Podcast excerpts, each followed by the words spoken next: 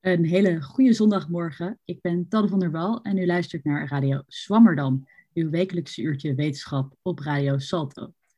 De mens. We zijn gecompliceerde wezens en dan heb ik het niet alleen over ons gedrag, al lijkt het maar weer behoorlijk moeilijk om ons aan wisselende maatregelen te houden of bijvoorbeeld een kabinet te formeren, om maar eens wat te noemen. Maar ook onze opbouw is zeer complex. Het menselijk lichaam bestaat uit vele cellen. En elke cel kan als het ware gezien worden als een mini-fabriekje voor allerlei moleculen, eiwitten en energie. Die fabriekjes die moeten precies te werk gaan en lopen als een geoliede machine. Maar een cel is niet alleen. Cellen werken samen om een bepaalde functie uit te voeren. Zo zorgen de cellen in je hart er gezamenlijk voor dat er bloed rond wordt gepompt en werken de cellen in je lever samen om schadelijke stoffen in ons lichaam af te breken. Zoals ik al zei, een complex geheel dus. Maar af en toe gaat het mis. Helaas krijgen veel van ons er in ons leven op de een of andere manier mee te maken. Kanker. Wat gebeurt er precies tijdens kanker en hoe staat het ervoor met de behandeling en het onderzoek daarna? Vandaag zit ik aan uh, de virtuele Zoom-tafel met uh, dokter Remco Molenaar, artsassistent aan het Universitair Medisch Centrum AMC. Remco, welkom. Uh, jij Dankjewel. doet zogenaamd fase 1 klinisch onderzoek naar kankertherapie. Daar zullen we zo verder over praten. Ook zit aan tafel dokter Mark de Gooier, werkzaam als postdoc bij het Nederlands Kankerinstituut, verbonden aan het Antonie van Leeuwenhoek ziekenhuis. Hij is gespecialiseerd in hersentumoren en kijkt op een meer experimenteel niveau naar verbetering van de behandeling daarvan. Uh, welkom ook, Mark. Ja, dankjewel. Goedemorgen. En uh, mijn medepresentator vandaag is Marielle Doedens. Uh, ja, zoals net al genoemd, we bespreken vandaag een serieus onderwerp, oncologie. En uh, we zullen het later in de uitzending hebben over hoe jullie onderzoek naar nieuwe en verbeterde therapieën in zijn werk gaat. Maar eerst wil ik graag ingaan op het ontstaan van kanker. Want waarom krijgen zoveel mensen hiermee te maken en hoe ontstaat dit precies? Uh, Remco, jij, bent inmiddels uh, artsassistent, maar een paar jaar terug ben je gepromoveerd, ook bij het AMC. En uh, als je promoveert, dan volgt daaruit een proefschrift met de bevindingen van het promotieonderzoek, maar ook de mogelijkheid om daar zogenaamde stellingen aan toe te voegen. Eigenlijk een soort statements die iets te maken hebben met je onderzoek of de wetenschap in het algemeen. En uh, had destijds als een van jouw stellingen uit je proefschrift, hier komt kanker is de enige verworven ziekte waarvan we weten dat de multicellulaire aliens het ook krijgen. Uh, nou, en eigenlijk vond ik deze stelling een heel mooi gedachte-experiment om eens in te gaan op de vraag hoe kanker nu eigenlijk uh, ontstaat.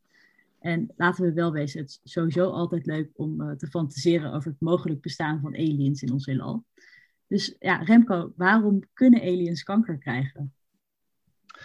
Ja, dankjewel. Um, de, de, de reden dat ik dit als stelling in mijn proefschrift heb opgenomen is omdat ik tijdens mijn promotieonderzoek ook het onderwijs heb gegeven. En daar was een, een college bij waar dan uh, ik en mijn promotor hoopten om de, de studenten bij te brengen dat kanker eigenlijk een, uh, een evolutionair proces is.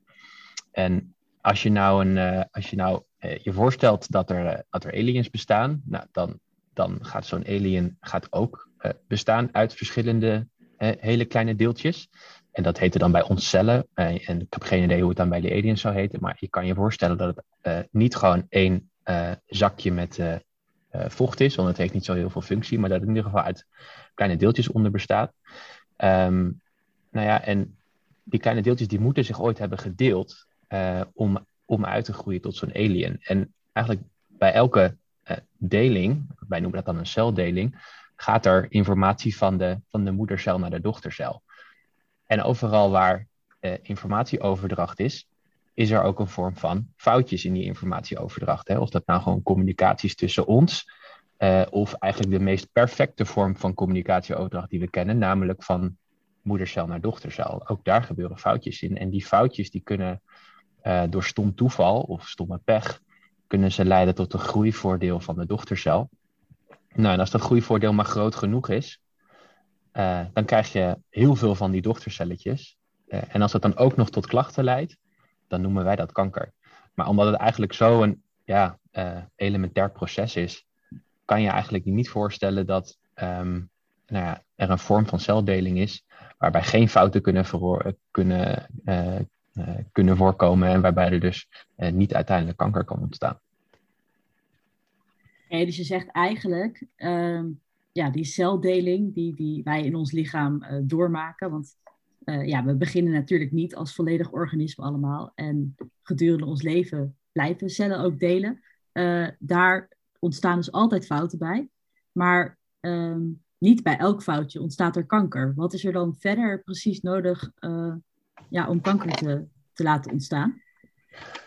Nou, als je, als je alle DNA-letters van ons, van ons genoom, zo heet dan de hele verzameling aan DNA-letters, op een rijtje zet, dat is zeg maar nou, ongeveer twee tot drie keer zo lang als alle boeken van Lord of the Rings bij elkaar. dus elke letter uit zo'n boek is dan ook een letter in het DNA.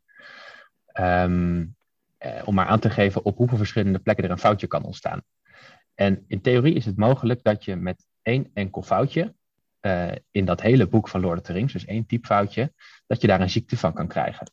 Bijvoorbeeld, uh, en dan, dat noemen we dan een puntmutatie. Punt omdat het gewoon op één punt is en een mutatie is zo'n DNA-verandering. Um, met één puntmutatie heb je bijvoorbeeld sikkelcelziekte. Um, je moet het dan wel dubbel hebben om het ook echt uh, nou ja, daar, daar ziek van te zijn. Maar als je moeder één puntje, één foutje heeft en je vader ook één foutje, dan heb je sikkelcelziekte. Um, en nou, de tumoren waar Mark en ik onderzoek naar hebben gedaan, hersentumoren. er bestaat een mutatie waar één enkel foutje in nodig is om daar uiteindelijk een hersentumor van te krijgen. Gelukkig ligt het niet om elk hoekje te wachten dat je dat krijgt. Want je hebt er vaak veel meer nodig. En ook vooral op de goede plek. Dus 99,9999% van al die DNA-foutjes, die leidt tot helemaal niks. Vaak, als het tot, tot, iets leidt, is het meestal een groeinadeel. Um, maar je hebt nou eenmaal zo ontiegelijk veel cellen in je lichaam, die allemaal zo ontiegelijk veel DNA-letters hebben, dat er ergens een kans is dat er iets fout gaat op de verkeerde manier. En dan kan dat uiteindelijk uitgroeien tot kanker.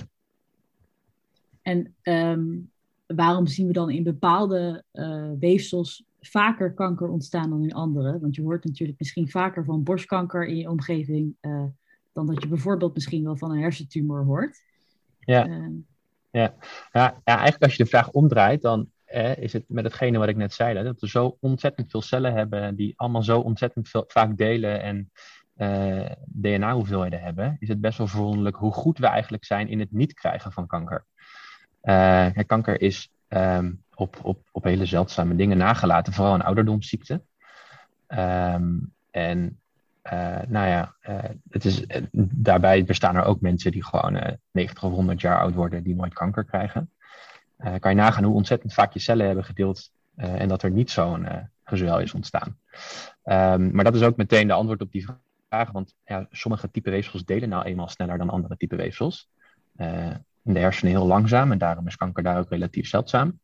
Andere plekken heel snel en daarom komt kanker daar meer voor, bijvoorbeeld in de huid. Um, en daarbij is het ook nog zo dat hè, sommige weefsels van ons lichaam die worden veel meer blootgesteld aan schadelijke invloeden van buiten. Hè, denk aan uh, zonlicht, uh, luchtvervuiling, sigarettenrook, etc. Uh, eh, dan, dan andere weefsels van ons lichaam. Dus dat, dat verklaart ook voor een gedeelte het verschil.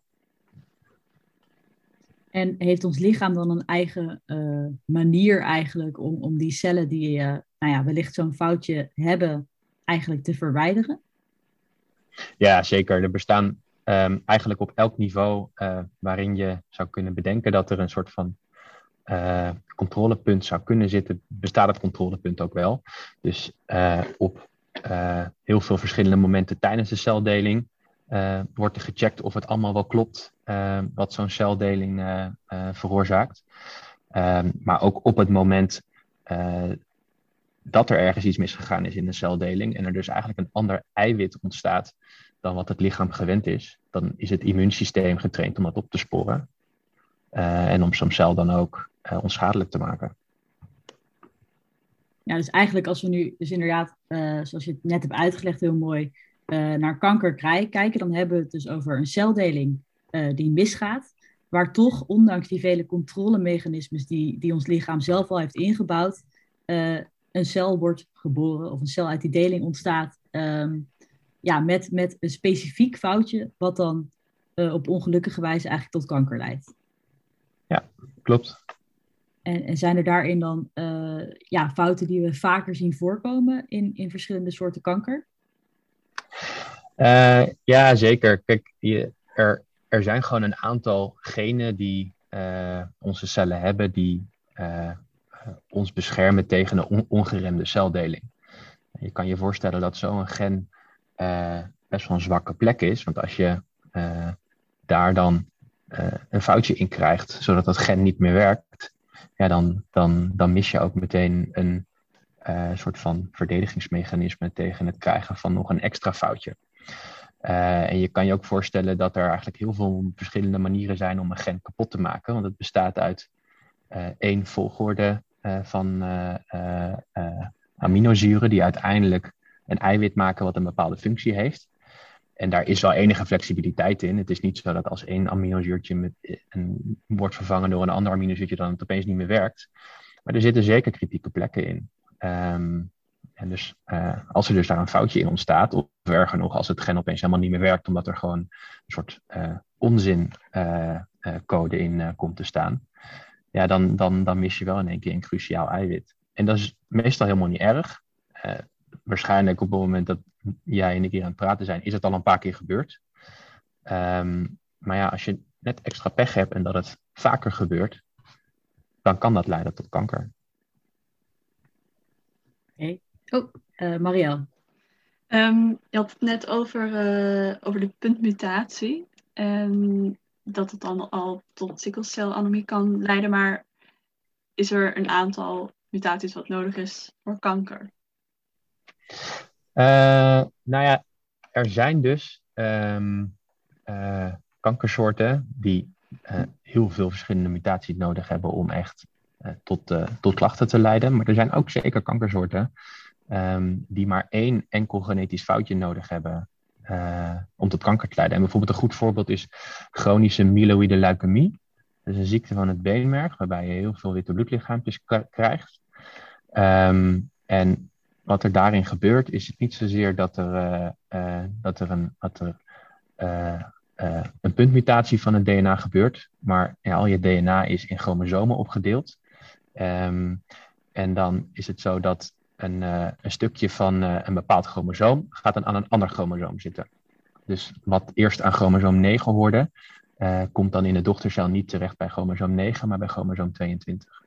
En daardoor komen eigenlijk de verschillende, de, de, verkeerde genen achter elkaar te liggen. waardoor je eigenlijk een, een gen krijgt wat nou ja, heel anders werkt dan dat het normaal zou moeten doen. en die ene fout is genoeg voor chronische myeloïde leukemie. En daar hebben we sinds 20 jaar uh, een hele effectieve therapie tegen. Dus gewoon één pil per dag. En dan ben je in feite genezen en leef je net zo lang als andere mensen die net zo oud zijn als jij, die nooit leukemie hebben gehad. Um, maar het is maar één foutje. Ja.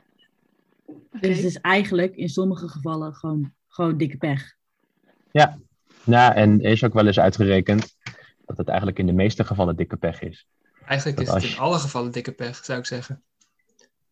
Het is in feite gewoon een, een, een kansproces. Um, waarbij dus, precies wat Remco net uh, goed aangaf, um, in sommige, soms heb je die pech dat, het, dat precies die bescherming, die beschermingsmechanismen die er normaal gesproken zijn, dat die ook uitgeschakeld worden, waarop vervolgens het proces versneld wordt. Um, dus je kan je voorstellen dat, uh, zoals Remco net aangaf, dat elke keer als we dat, dat boek overschrijven, als we dus het DNA kopiëren. Normaal gesproken maken we daar zeg 5 tot 10 foutjes in. Maakt zo'n cel 5 tot 10 foutjes per keer. Maar dat komt omdat er ook gecheckt wordt of alles goed zit. Dus eigenlijk maakt de cel iets meer foutjes. Maar dat wordt steeds hersteld voordat men doorgaat. En op het moment dat een van dus die beschermingsmechanismes dus uitgeschakeld wordt, toevallig, gaat het aantal, kun je je voorstellen, uh, een heel aantal, uh, een heel groot deel omhoog. En dat verhoogt dus gelijk weer de kans dat er extra foutjes komen op plekken waar, ze, waar je ze niet wil hebben. en het dus versnelt. En dat is ook wat we bijvoorbeeld zien bij, je hebt ook um, bijvoorbeeld syndromen, bijvoorbeeld genetische aanleg voor kanker. En dat is wat we daar bijvoorbeeld vaak zien gebeuren. Dat dus die beschermingsmechanismen al uitgeschakeld zijn, waardoor dus de kans op het ontwikkelen van zo'n kankercel veel groter wordt. Ja, precies. Ik ben wel mee eens met Mark hoor. En er zijn natuurlijk wel manieren om uh, uh, de kans op pech wat groter te maken. Door een pakje per dag te roken of door je niet in te smeren en uh, je leven lang op het strand te gaan liggen. Um, maar in feite blijft altijd de kansberekening. En dus ook altijd een kwestie van pech of geluk. Hey, en om dan maar even nog terug te gaan naar die aliens. Hè? Um, want jij zegt dus, het is, het is een ziekte waarvan we sowieso weten dat multicellulaire aliens um, het ook krijgen. Omdat die dus door diezelfde informatieoverdracht uh, uh, heen moeten. Uh, zou het bij aliens ook niet een ziekte kunnen zijn, maar een voordeel, zo'n ongecontroleerde celdeling? Want waarom leidt het bij ons nou juist tot problemen? Ja, ja, het is op zich wel interessant dat je het zegt. Um, kijk, in, theorie zou het misschien kunnen dat het, dat het, dat het bij hun tot een voordeel leidt, maar dan is het wel echt een hele primitieve vorm van, van een multicellulaire alien, denk ik. Kijk, als je bijvoorbeeld een, een, een schimmel hebt of zo, of een groep bacteriën die ergens groeit, dat is niet multicellulair, dus hou ik even bij een schimmel. Um, op het moment dat, dat die harder gaat groeien omdat er ergens een foutje tussen zit, ja, dan, dan, dan is dat misschien voor die schimmel een voordeel. Dat zou kunnen, maar dan is het al een hele simpele alien. Dus als we echt die alien met die ja. ogen, zeg maar, die iedereen voor zich ziet, uh, ja. dan zullen ook die gewoon uh, kwetsbaar zijn voor kanker. Is eigenlijk wat we, wat we hieruit kunnen concluderen. Ja, precies. Het is eigenlijk wel een interessante vraag die stelt, want dat is altijd een beetje lastig uit te leggen. Dat, het, het is altijd een beetje gevoelig om over dit soort dingen te praten, omdat natuurlijk het is zo'n veel voorkomende ziekte dat, dat bijna iedereen met wie je praat wel um, ervaringen heeft uh, in, in de naaste kring met kanker. Um, alleen, ik zeg eigenlijk altijd, het, het, klinkt gek, maar je gaat eigenlijk niet dood aan kanker. Je gaat niet dood aan het hebben van kankercellen. Je gaat dood aan wat de kanker doet met je lichaam. Dus die kanker zit, die cellen zitten op plekken waar ze niet horen en daardoor verstoren ze um, organen, de functie van organen die je al hebt. Dus bijvoorbeeld, um, ze verstoren de integriteit uh, van zo'n bloedvatwand. Uh, ze beperken de functie van hoe de longen kunnen uh, ademen, hoeveel lucht daarin kan bijvoorbeeld. En in de hersenen natuurlijk komt er heel veel druk, er is een, massa in een beperkte ruimte. Um, Terwijl als je nadenkt bijvoorbeeld over um, goedaardige versus kwaadaardige tumoren, dan is dat eigenlijk ook het, het, onderscheid dat we maken. Een goedaardige tumor is een tumor die wel groeit, um, maar niet zijn omgeving heel erg verstoort. En als dat op een plek zit waar dat niet zoveel kwaad kan, een bekend voorbeeld is denk ik de, de olifantenman. Dat is uh, een, een meneer uit uh, een tijdje geleden al meneer uit, uit India en die had hele grote tumoren aan de buitenkant van zijn lichaam, eigenlijk van cellen die in de buurt van de huid lagen. En die tumoren die groeiden niet zoveel naar binnen, maar die groeiden heel erg naar buiten. En die had dus zelfs kilo's aan tumoren aan zijn benen hangen, bijvoorbeeld. En dat is natuurlijk, dat zag, uh, dat zag er heel vervelend uit. Uh, maar daar ging hij voor, voor de rest niet dood van, omdat die tumorcellen eigenlijk zijn lichaam niet zo veel aantasten.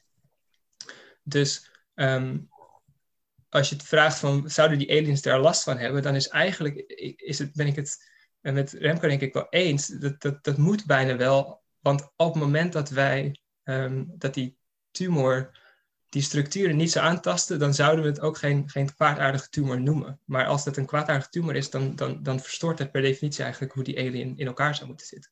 Ja, dus het is, het is eigenlijk bijna hoe, hoe die alien of wij als mens dan dus zo complex maar dus ook eigenlijk zo precies bijna in elkaar zitten. Met misschien op, op sommige plekken uh, weinig ruimte voor flexibiliteit. Ja. Waardoor zo'n tumor een probleem gaat geven. Zeker. Als je, als je er bijvoorbeeld over nadenkt, hoe weet jouw lever bijvoorbeeld waar die moet stoppen met groeien? Jouw lever heeft een bepaalde grootte. En we weten ook dat we 80% van die lever kunnen we verwijderen. En dan groeit die 20% groeit weer volledig terug. Maar hij groeit precies zo terug als waar die was. Dus hij weet, oké, ik kan deze ruimte vullen en als hij aan het einde is, dan stop ik daar. Dat weet hij. Nou weten we dus dat bijvoorbeeld bij leverkanker, um, dat is er een signaal wat normaal gesproken wel naar geluisterd wordt, namelijk die lever die groeit en tot hij bij bijvoorbeeld uh, bij het middenrif komt en daar krijgt hij een signaal, jongens, tot hier en niet verder, zo is het goed. Maar die levertumorcel, die negeert dat signaal. Die heeft geleerd om het, het signaal te mogen negeren. En dat is dus ook één aspect wat zo'n tumorcel moet, moet leren eigenlijk om een kwaadaardige tumor te worden. Want dat lichaam, wij zijn eigenlijk best wel, dat is ook wat Remco net zei, het gaat eigenlijk verbazingwekkend vaak goed. Het lichaam zit heel ingenieus in elkaar. De cellen zijn elkaar constant aan het instrueren. Je, kan, je mag dit doen, je mag nu dat doen, enzovoort. Maar die tumor die heeft eigenlijk geleerd, die tumorcel heeft geleerd om die signalen te negeren. Maar ehm, nog even over dat goed en kwaadaardige van een tumor. Want waar ligt dan de grens tussen goed en kwaadaardig? Want het is niet alleen de locatie, toch? Ook de, de snelheid dan dat het groeit? Of? Ja, het is de, de, de mogelijkheid om eigenlijk door die grenzen die Mark net noemt heen te breken. Dus goedaardige cellen zullen zich altijd eigenlijk aan de structuur houden waar ze in geboren zijn. Uh, maar daar niet doorheen breken. En dus ook nooit uitzaaien. De uitzaaien is eigenlijk een soort van de ultieme vorm van uh, door de oude grenzen heen breken en dan vervolgens versleept worden naar een andere plek in het lichaam. Um, dus, je, dus je moet eigenlijk echt op een hele vervelende plek een goedaardige tumor hebben uh, om er last van te krijgen. Het kan wel, um, maar dan heb je dus, ja, zelfs binnen een goedaardige tumor kan je pech hebben. Ja, oké. Okay. Um, ik denk, uh, nou ja, dat, ik hoop dat het in ieder geval voor de luisteraars, dat we een kleine basis hebben gelegd van, van hoe kanker ontstaan. Uh, maar jullie onderzoek, uh, Mark en Rempo, gaat niet per se over het ontstaan van kanker, maar vooral over het behandelen daarvan. Uh, want, want we hebben nou eenmaal patiënten met kanker. En Remco, ik wil het eigenlijk eerst over jouw onderzoek hebben. Jij, jij, werkt als arts voornamelijk, als artsassistent, maar je doet ook onderzoek. En je doet zogenaamd fase 1 klinisch onderzoek. Um, ja, wat, wat is dat eigenlijk? Ja, op het moment dat je nieuwe medicijnen wil, wil testen voor een, voor een ziekte, dan, dan, dan is dat ooit opgedeeld in verschillende fases. Dat zijn we ook een beetje aan het loslaten. Maar je hebt het ook de laatste jaren bij, uh, bij het onderzoek naar de coronavaccins een paar keer gehoord. Um, en eigenlijk zegt het dat je bij fase 1 ga je gewoon voor het eerst kijken in mensen of in patiënten. Um, is dit veilig? Uh, en werkt het een beetje in het lichaam zoals we denken dat het werkt. Dus wordt het, wordt het goed opgenomen, wordt het goed uitgescheiden, is het niet giftig, et cetera. Um, en nou ja, ook bij kanker moet je eerst dat doorlopen, want je moet wel weten of, of het veilig is en of uh, het, het middel niet erger is dan de kwaal. De kwaal is heel erg, maar we kunnen ook hele erge middelen, middelen maken waar we echt niet verder mee moeten. Nou, en als je dan eenmaal weet dat het veilig is, dan kan je bij fase 2 kan je kijken of het ook effectief kan zijn. Dat weet je nog niet zeker, maar uh, en dan geef je een, een aantal patiënten, geef je dan zo'n nieuw medicijn. En dan kijk je dan wat er met zo'n tumor gebeurt. Uh, nou, er zijn mensen die geen andere behandeling krijgen. Dus ook al slinkt die, dan, uh, ja, dat is helemaal, helemaal perfect natuurlijk. Maar ook al blijft die gelijk, dan is dat al winst. Dan kan een signaal zijn dat het ook echt iets doet. en dan uiteindelijk fase 3, daar ga je mensen door het lot laten randomiseren. waarbij je dan de ene helft geef je dan hè, het mogelijk nieuwe werkzame medicijn. Uh, al dan niet toegevoegd aan hetgene wat dan de standaardbehandeling is. Samen met uh, een nepmedicijn, dus een placebo. En dan weet vaak en de arts en de patiënt niet wat hij of zij heeft gekregen. En dan uiteindelijk uh, haal je die blindering haal je eraf. En dan ga je kijken of de mensen die langer leefden of minder lang ziektevrij waren, uh, of een andere maat die je van tevoren hebt bedacht. Of dat vaker voorkwam bij de mensen die je het studiemedicijn hebt gegeven. En eigenlijk bij elk van die fases valt meer dan de helft van de medicijnen valt af. Dus als je met uh, meer dan 100 medicijnen in fase 1 begint, dan redden het misschien maar een paar het voorbij fase 3. Dat is eigenlijk een beetje de, de piramide van het onderzoek naar nieuwe medicijnen. En nou ja, jij zit dus aan die, brede onderkant bij, bij de fase 1. Um, ehm, ja, waar, waar start je? Uh, hoe, hoe bedenk je een, een nieuw medicijn? Nou, als je uh, uh, op de universiteit werkt, hè, daar, daar um, wordt heel veel fundamenteel onderzoek gedaan. Daar gaat Mark zo meteen nog wat over vertellen. Um, maar het, het, het echte vertalen van nieuwe kennis die we hebben naar een echt nieuw medicijn, dus een nieuw chemisch stofje. Dat, dat is inmiddels zo ingewikkeld geworden uh, en ook zo complex en kostbaar dat het vaak door de farmaceutische industrie wordt gedaan. Um, maar aan de universiteit gebeurt het ook. Uh, en wat we dan doen is bijvoorbeeld kijken of nieuwe combinaties van geneesmiddelen, dus maar stofjes die al bestaan, uh, of die bij elkaar gecombineerd wel veilig zijn. ook dat is fase 1, want ook van een combinatie moet je weten of dat, of dat veilig gegeven kan worden. Ehm, en uh, wat we ook doen, is dat we kijken of medicijnen die al voor een andere ziekte uh, werkzaam zijn gebleken en in die hoedanigheid op de markt zijn gekomen, of we die misschien ook kunnen inzetten voor, uh, voor kanker. Want soms zitten daar wel verrassende dingen bij. En nou ja, daar moet je graag meer over vragen. Is, is dat dan, pak je dan een random medicijn en, en probeer maar? Of, of is die keuze iets, iets specifieker dan dat? Um, nou ja, dat, dat, soms is het een soort speling van het lot. Hè, dat ze uh, uh, achteraf zien dat mensen die met een bepaald medicijn worden behandeld, uh, dat die misschien een medicijn hebben gekregen die later nou, effectief blijkt te zijn tegen kanker. maar soms dan ga je ook, hè, dan heb je iets gevonden in het laboratorium en dan denk je van nou, als ik nou dit of dat proces in een cel zou kunnen remmen, dan heb ik misschien een behandeling. Um, en dan kan je kijken um, hè, met medicijnen die al op de markt zijn, of er toevallig eentje tussen zit met een functie die we eerder over het hoofd hebben gezien, of dat misschien een medicijn is wat je dan kan gebruiken om die specifieke functie aan te pakken. Ja, dus je pakt dan eigenlijk uh, bijna terug op, uh, om maar even terug te gaan naar dat mutatieverhaal. Je kijkt alvast zo'n kankersoort in feite waar, waar die mutaties zitten en, en of er medicijnen bekend zijn die die precieze processen aan zouden kunnen pakken.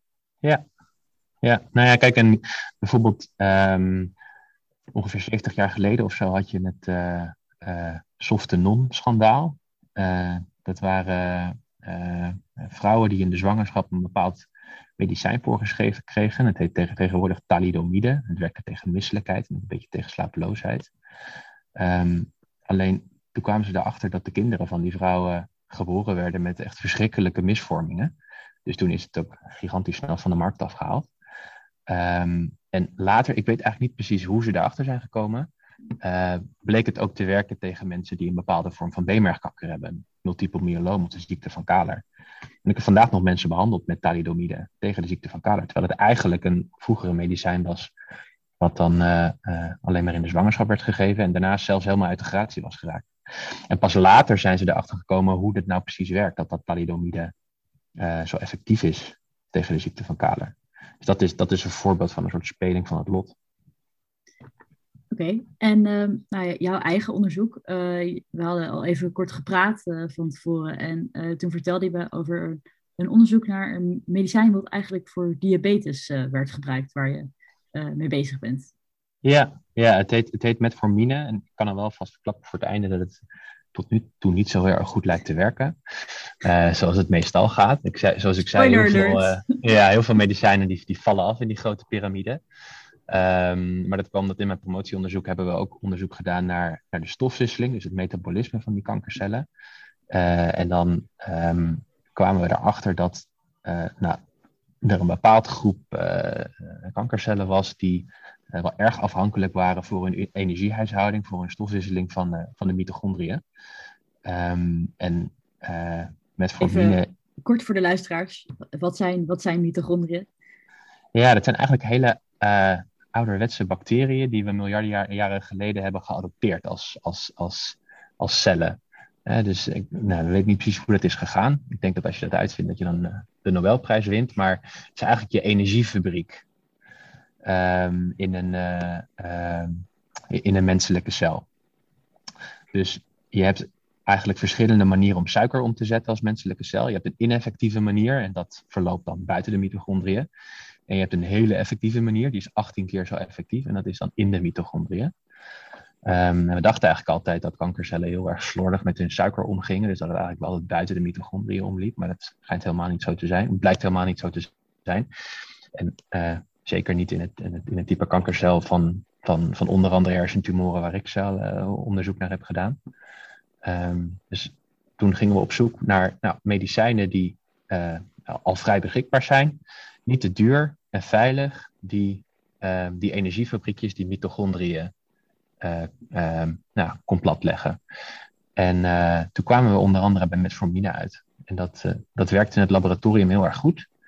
en daarbij is ook dat ongeveer 15 jaar geleden steeds meer onderzoekers erachter kwamen dat als je nou alle diabetespatiënten, alle suikerziektepatiënten met elkaar vergeleek, dan waren de mensen die met metformine werden behandeld, die, die kregen veel minder vaak kanker dan de mensen die niet met metformine werden behandeld. en als ze dan kanker kregen, dan hadden ze ook nog een mildere vorm of een betere, betere levensverwachting. Ehm, dus er werd al vrij veel onderzoek gedaan naar metformine bij, bij kanker, maar dat mislukte steeds. Uh, toen dachten wij, nou ja, misschien dat wij het nu wel kunnen proberen in onze vorm van kanker. Want wij denken van, ja, als er een vorm van kanker is die gevoelig is tegen concentraties van metformine, dan moet dat deze wel zijn. Nou, dat was in het laboratorium wel zo, maar toch lukt het ons niet om patiënten nou, met gewoon de normale hoeveelheid metforminepillen een, een, een hoog genoeg concentratie te geven die ook echt hun tumoren aanviel. We zagen wel dat het in, de, um, in het metabolisme uh, van die tumoren werkte zoals we dachten dat het zou werken. Maar het had niet een positief effect op langzamere groei of zelfs afname van de grootte van die tumoren. Want, want wat is dan het voornaamste probleem waarom, waarom die metformine ja, minder goed werkt bij kankercellen?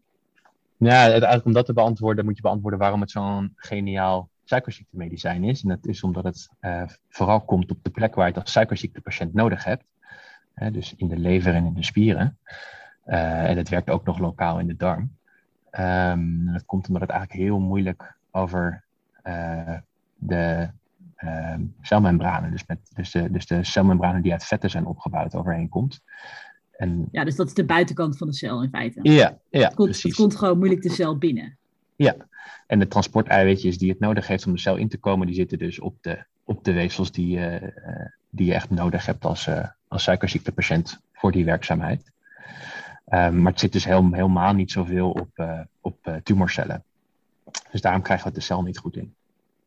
Ja, je vertelde me toen we het hier eerder over hadden al dat er dus één soort kanker is waar het wel in lijkt te werken.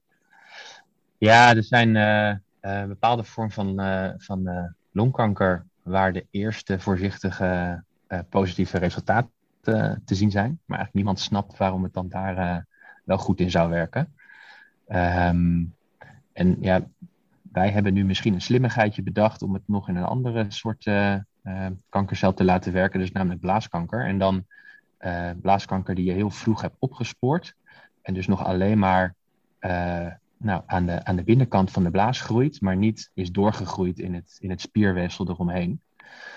Uh, en de reden is eigenlijk dat metformine wordt door het lichaam helemaal niet verwerkt. Maar dat wordt, nou, je neemt het in, je neemt het op en dan plas je het weer uit. En juist in die urine concentreert het zich dan heel erg. Dus wij, wij hopen dan dat uh, als je nou patiënten die heel vroeg een blaaskanker uh, hebben opgespoord met metformine behandelt, dat je dan zo'n hoge concentratie metformine in de urine bereikt, hè, zoals eigenlijk bij elke, elke suikerpatiënt, dat het daar toch een effect heeft. En dat zijn we nu aan het uitzoeken. Um, en er was zo waar een patiënt die ook echt een hele mooie reactie daarop had. Spannend. Dus veel te, ja, het is veel te vroeg om te zeggen dat het voor een grote groep patiënten werkt. Hè, misschien dat er wel iets heel bijzonders met die ene patiënt aan de hand was, of met, met de tumor van die ene patiënt. Maar uh, het was helemaal weg. Nou, uh, fingers crossed. En uh, ja, ik denk dat dit onderzoek nog wel even doorloopt. Uh, ja. Dit is dus een, in de fase 1 nog. Is het moeilijk om patiënten te vinden uh, voor dat soort fase 1 onderzoek? Of, of hoe, ga je, ja, hoe vind je eigenlijk je, je onderzoeksobjecten in die zin? Ja, de, de patiënten die worden over het algemeen benaderd via hun eigen behandelende artsen op de polykliniek. Um, en uh, het is al heel erg indrukwekkend hoe uh, onzelfzuchtig die patiënten dan, zijn. Want uh, kijk, op het moment dat je nog behandeld wordt met iets wat tot dan toe goed effect heeft, uh, ja, dan, dan, dan word je natuurlijk niet voor gevraagd. Want waarom zou je een, bewezen therapie opgeven voor iets wat nog experimenteel is? Maar op het moment dat, dat, dat, dat, dat de kanker toch er doorheen breekt en weer begint te groeien, uh, dan, dan kom je op een moment waarop eigenlijk de behandelingen die voor jou geschikt zijn uitgeput zijn. en dan kan het dus zo zijn dat de behandelend arts patiënt vraagt of hij of zij mee zou willen doen aan de studie. Um, en je hebt eigenlijk een, nou, uh, vrijwel een garantie dat het niet gaat werken. Want ja, zoals ik zei, er vallen heel veel medicijnen af. Dus kijk, als je in een fase 2 of een fase 3 studie meedoet, dan, dan begin je echt al wel uh, aan de meer veelbelovende medicijnen te komen. Maar zeker in de fase 1, dan is de kans dat het gaat werken heel erg klein. Zeker ook omdat je ook een lage dosis moet beginnen. Gewoon om te kijken hoe het werkt en of het niet uh, te giftig is. Ehm, en toch doen die mensen daaraan mee. Dat vind ik altijd wel heel erg indrukwekkend. Uh, omdat ze ook donders goed weten dat het waarschijnlijk voor hun helemaal geen positief uh, effect meer gaat hebben. Maar wel dat ze um, nou, de, de patiënten na hun er misschien een dienst mee doen.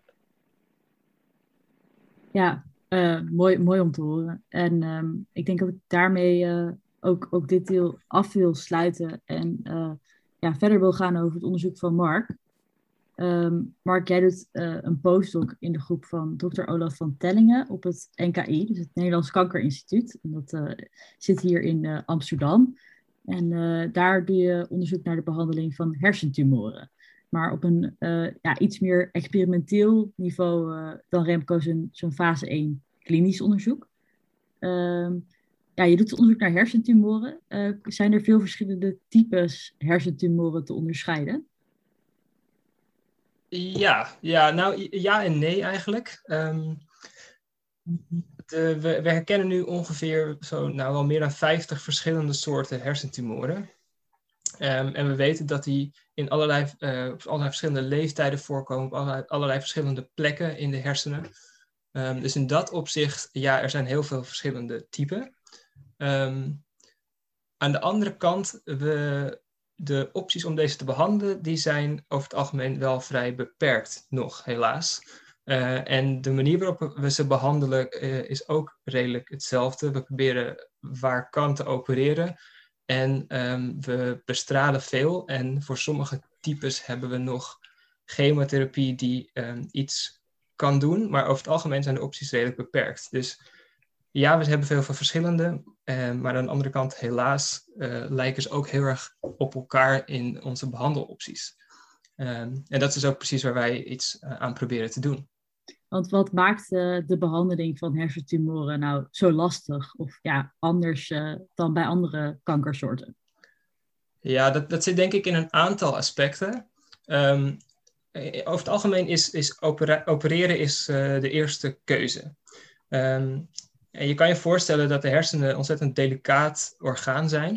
Um, en dat je dus niet zomaar een heel groot deel weg kan halen. Dus dat begint al met uh, de vraag, is het überhaupt operabel? Zit het op een plek waar we iets weg kunnen halen? Um, en kunnen we wel alles weghalen? Um, want dat is niet altijd ook nog het, het geval. Um, er zijn wel hele mooie ontwikkelingen een, een, afgelopen jaren geweest met bijvoorbeeld wakkere operaties. Dat klinkt heel eng, maar je bent, de patiënt wordt uh, wel degelijk verdoofd op de plekken waar het uh, nodig is.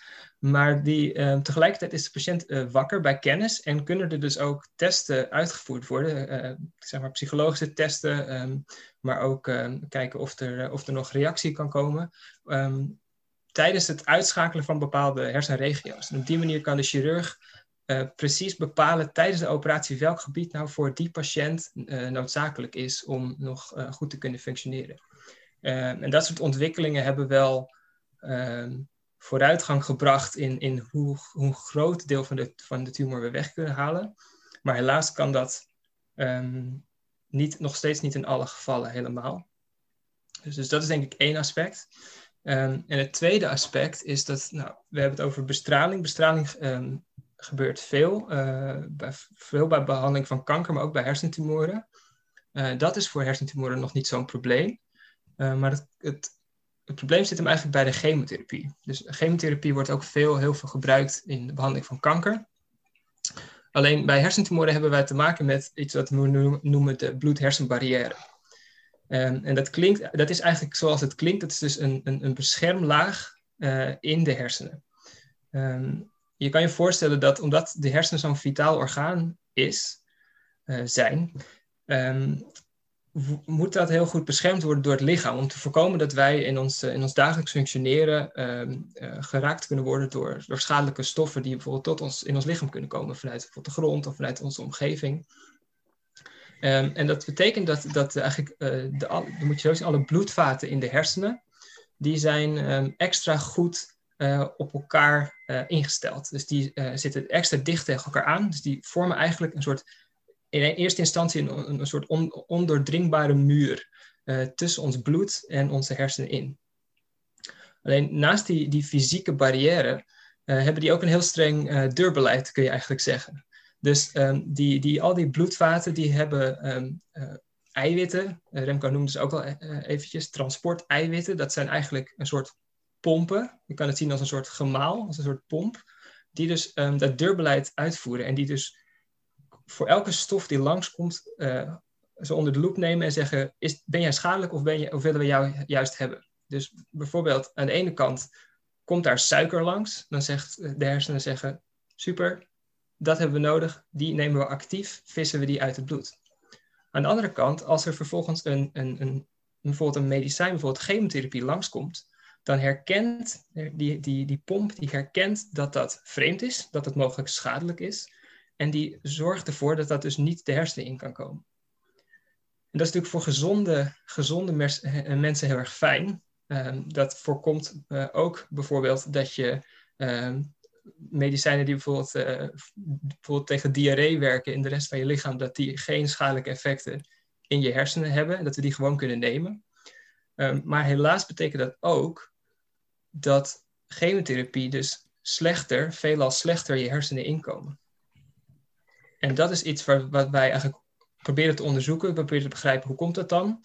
Um, welke chemotherapie of welke nieuwe, schonere, doelgerichtere middelen, zoals we dat dan noemen, uh, komen wel of niet goed je hersenen in? Hoe komt het en, en wat zouden we daaraan kunnen doen? Ja, dus eigenlijk uh, wat je zegt, het probleem is dus uh, gewoon dat die hersenen zo goed beschermd zijn dat dat medicijn daar, daar niet naar binnen komt. Eigenlijk wat Remco net ook noemde, uh, met zijn suikerziekte medicijn. Uh, dat dat komt de cel niet binnen. Ja, er is, er is eigenlijk een extra hoorde. Ja. Um, en dat maakt het dus eigenlijk zo lastig. Dus wat, wat Remco vertelt is, is, is zeker, zeker waar. Um, maar dat geldt eigenlijk voornamelijk voor uh, tumoren die buiten de hersenen voorkomen. Dus de manier mhm. waarop je dat, dat klinisch onderzoek doet, um, dat, dat, ik zeg niet dat dat niet kan voor hersentumoren, maar de, de kans dat een ander medicijn wat ontwikkeld is voor een andere ziekte, de hersenen inkomt, die is gewoon heel erg klein. Omdat die, die, die hersenen zijn zo goed beschermd dat uh, veruit het grote deel van de stof, heb ik het echt over 90% of meer, gewoon daar niet inkomt. En dus ook niet zijn werk kan doen. Ja, en sterker nog, ik denk dat we bij uh, heel veel uh, uh, vroeg klinisch onderzoek, fase 1 klinisch, klinisch onderzoek voor andere ziekten, um, niet doel, doelbewust, maar nou, wel waarschijnlijk met een hele grote waarschijnlijkheid um, medicijnen laten afvallen die te goed door de bloed-hersenbarrière heen komen. Want dat zijn de middelen die vaak veel bijwerkingen geven. Ja. Duizeligheid, misselijkheid, hoofdpijn, et cetera, et cetera. Ja. ja, je kan je natuurlijk voorstellen dat um, uh, bijwerkingen op de hersenen, dus, dus, dus heel erg in het, in, op het functioneren van, van patiënten inwerken. En dat dat dus ja, iets is wat je eigenlijk wil voorkomen. Um, Alleen als je dus iets wil ontwikkelen, juist voor de behandeling van hersentumoren, dan, um, dan moet je daar wel rekening mee houden. En dan moet je natuurlijk.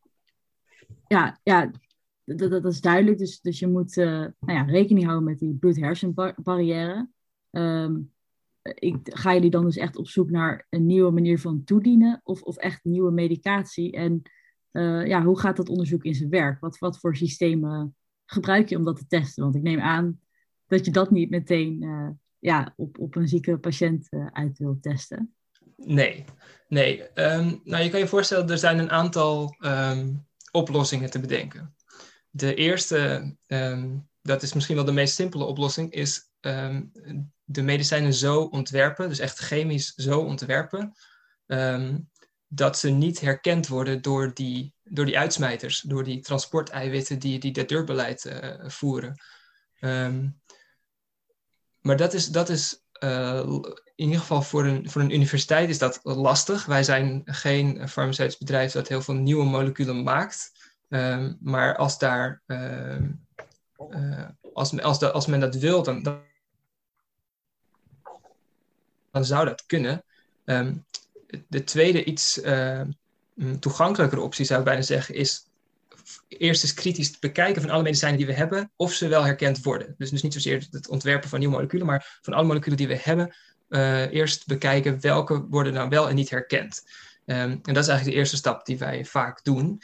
Ehm, en daarvoor hebben we een aantal methoden in het lab, waarin we bijvoorbeeld uh, cellen hebben die bijvoorbeeld heel veel van een bepaald uh, eiwit hebben, heel veel van een bepaalde uh, uitsmijter hebben.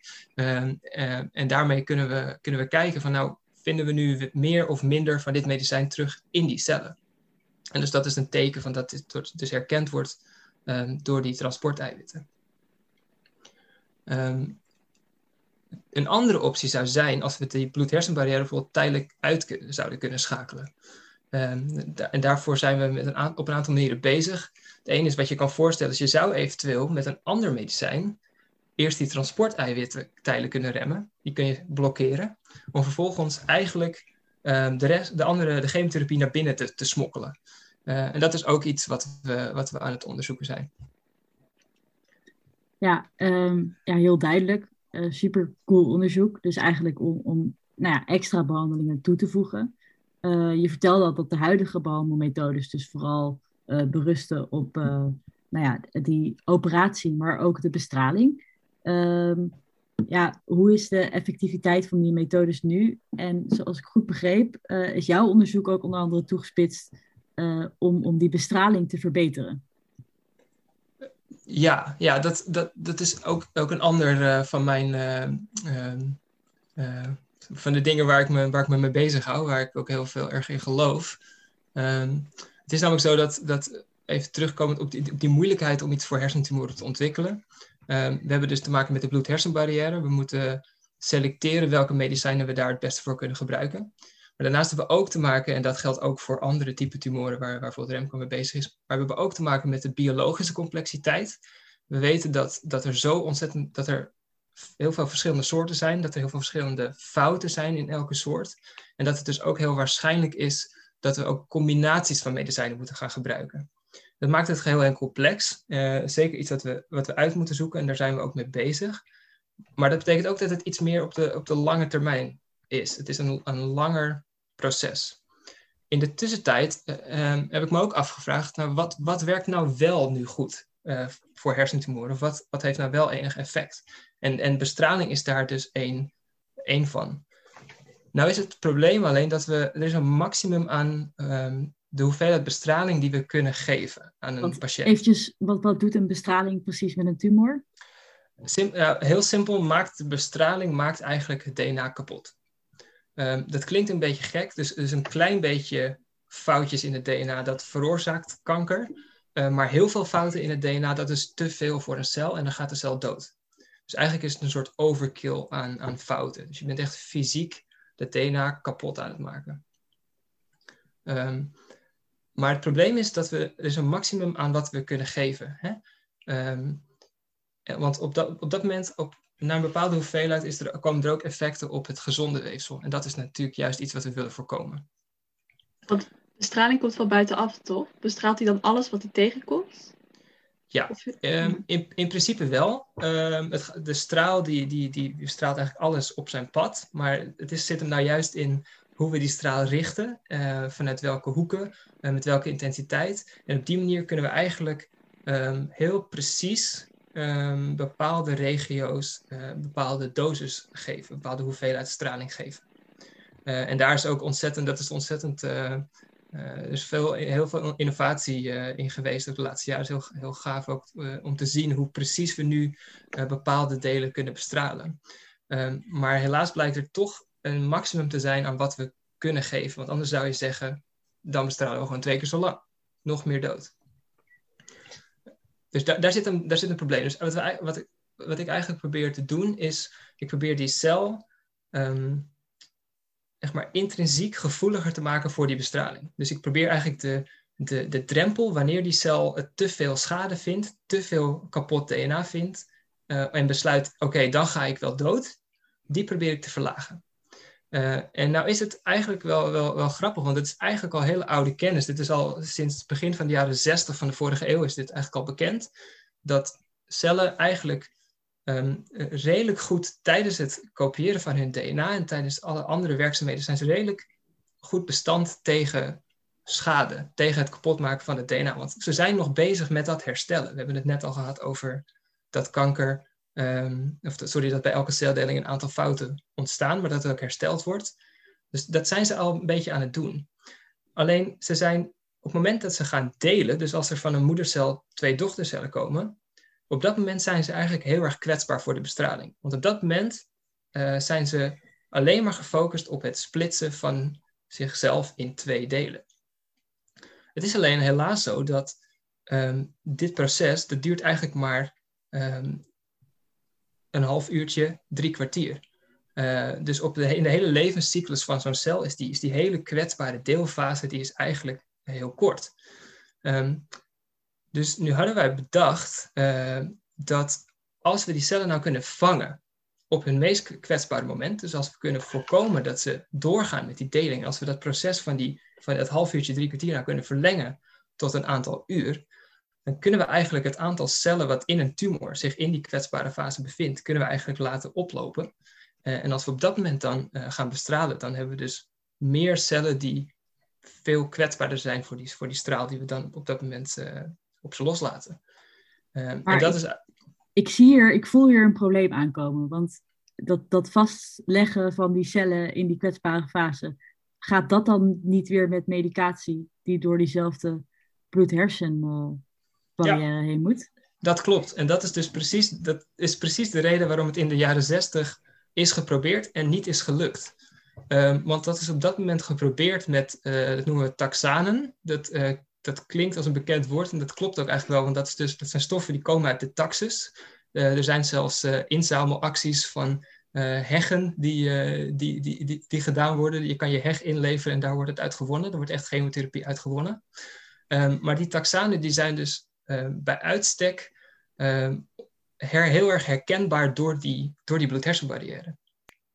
Maar op dit moment zijn we eigenlijk in deze, in deze moderne tijden weten we steeds beter van hoe, zitten nou, hoe zien die eiwitten er nou uit en hoe moeten we nou die medicijnen chemisch zo ontwikkelen, uh, zo ontwerpen eigenlijk, um, dat ze precies die eiwitten remmen, precies die processen remmen. En we, zijn dus nu, we hebben dus nu een molecuul geïdentificeerd wat uh, precies die cellen kan vangen, maar niet herkend wordt, uh, of heel weinig herkend wordt eerlijk gezegd, door de bloed-hersenbarrière. Dus we denken eigenlijk uh, dat nu de tijd is om dit concept uh, eigenlijk uh, een nieuw leven in te blazen. Ja, en het geeft ook aan hoe gigantisch lang we hier al mee bezig zijn. En ook eh, ja, hoe gigantisch langzaam eigenlijk de, de ontwikkelingen gaan bij die hersentumoren. Want nou ja, opereren, dat kunnen we al best wel lang. Het ging niet altijd goed vroeger, maar we kunnen het al wel lang. En bestralen is ongeveer in de jaren zestig erbij gekomen. En met wat Mark zegt, de techniek is natuurlijk veel beter geworden. Maar de essentie van het bestralen doen we al heel lang. En dan hebben we eigenlijk één miserig vormpje van chemotherapie, uh, wat we nu een jaar of 15 gebruiken. Wat echt een verschrikkelijk middel is um, en wat nou, in bijna geen, geen en, enkele andere kankersoort nog gebruikt wordt. En dat is het. Dan heb je meteen in één zin um, alle voortgang op het gebied van de behandeling van hersentumoren heb je dan gevangen.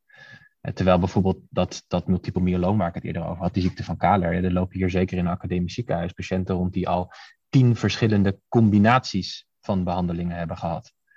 Nou ja, dat is echt ondenkbaar voor een, eh, voor een patiënt met een hersentumor. Gewoon omdat alle behandelingen die we proberen een hele grote kans hebben om het niet te halen.